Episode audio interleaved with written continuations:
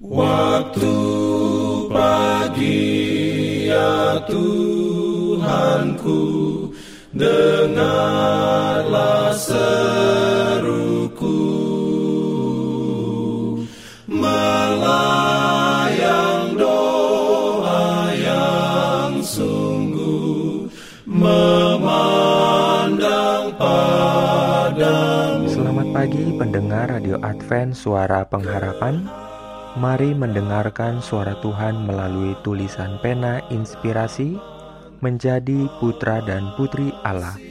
Renungan harian 2 November dengan judul Memuliakan Tuhan dengan meningkatkan kebiasaan kesehatan.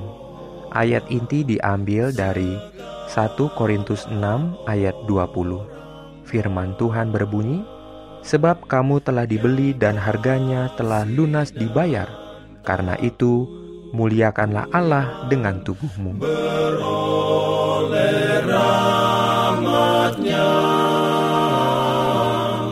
diberikannya perlindungan dalam pimpinannya. Urayanya sebagai berikut. Tugas pertama kita terhadap Tuhan dan sesama kita adalah pengembangan diri. Setiap kemampuan yang telah dianugerahkan Sang Pencipta kepada kita harus dipupuk dengan tingkat kesempurnaan yang tertinggi, sehingga kita dapat melakukan kebaikan sebanyak-banyaknya yang kita mampu. Oleh karena itu, waktu tersebut dihabiskan untuk melakukan yang baik yang diarahkan pada pembentukan dan pemeliharaan kesehatan fisik dan mental yang baik. Manusia adalah ciptaan Allah, karyanya yang besar, yang diciptakan untuk tujuan yang tinggi dan suci. Dan pada setiap bagian dari tabernakel manusia, Allah ingin menulis hukumnya. Setiap saraf dan otot, setiap anugerah mental dan fisik harus dijaga tetap murni. Tuhan merancang bahwa tubuh akan menjadi seperti bait suci bagi rohnya Kesoleman adalah pertanggungjawaban yang ada pada setiap jiwa. Pengaruh pribadi Anda memberikan untuk kebaikan atau kejahatan. Jika Anda mencemari tubuh Anda, Anda tidak hanya membahayakan diri sendiri, tetapi juga banyak orang lain.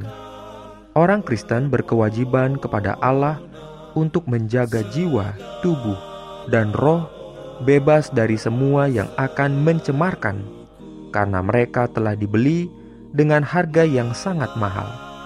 Tidak ada pria atau wanita yang memiliki hak untuk membentuk kebiasaan yang merendahkan perilaku menyehatkan dari satu-satu organ pikiran maupun tubuh.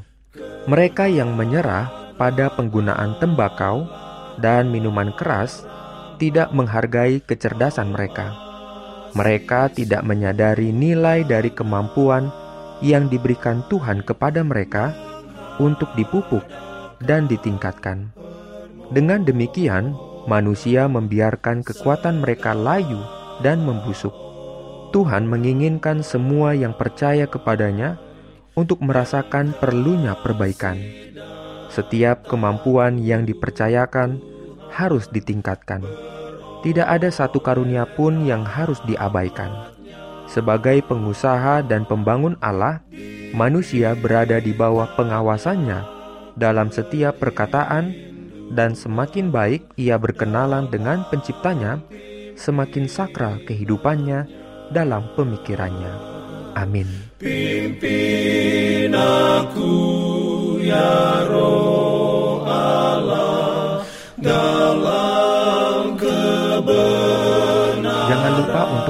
bacaan Alkitab sedunia, percayalah kepada nabi-nabinya yang untuk hari ini melanjutkan dari buku 2 Tesalonika pasal 1. Selamat beraktivitas hari ini.